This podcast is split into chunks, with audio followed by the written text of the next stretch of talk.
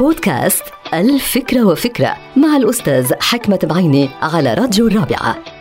يبدو إنه اللي بيمسك الشمعة من شعلتها من لهيبها بيحرق أصابعه بيحرق إيديه وبيضطر أخيرا إلى رمي الشمعة بعيدا عنه فيخسر الشمعة ويخسر نار الشمعة ونور الشمعة. ومن يمسك الشمعة من قاعدتها وبعيدا طبعا عن اللهيب ونار اللهيب يحتفظ بهذه الشمعة ويحتفظ بنارها ونورها. للأسف هناك من يحاول دائما أن يقترب من النار ويتلاعب بها ظنا منه أنه قادر على احتوائها والسيطرة عليها كيفما شاء.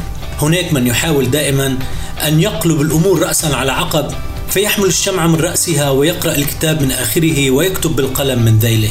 هود الناس وهن قلة من الناس ولكن بيشكلوا خطر على أنفسهم أولا وعلى الناس ثانية.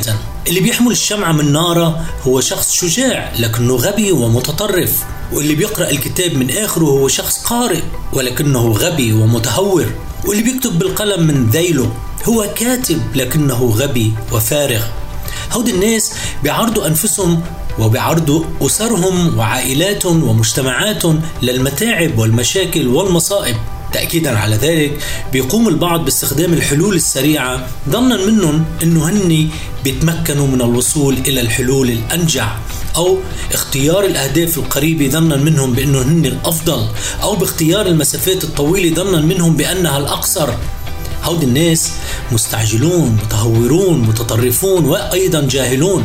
هؤلاء لا يفقهون أن الطرق السليمة هي من تضيء الشموع الطويلة.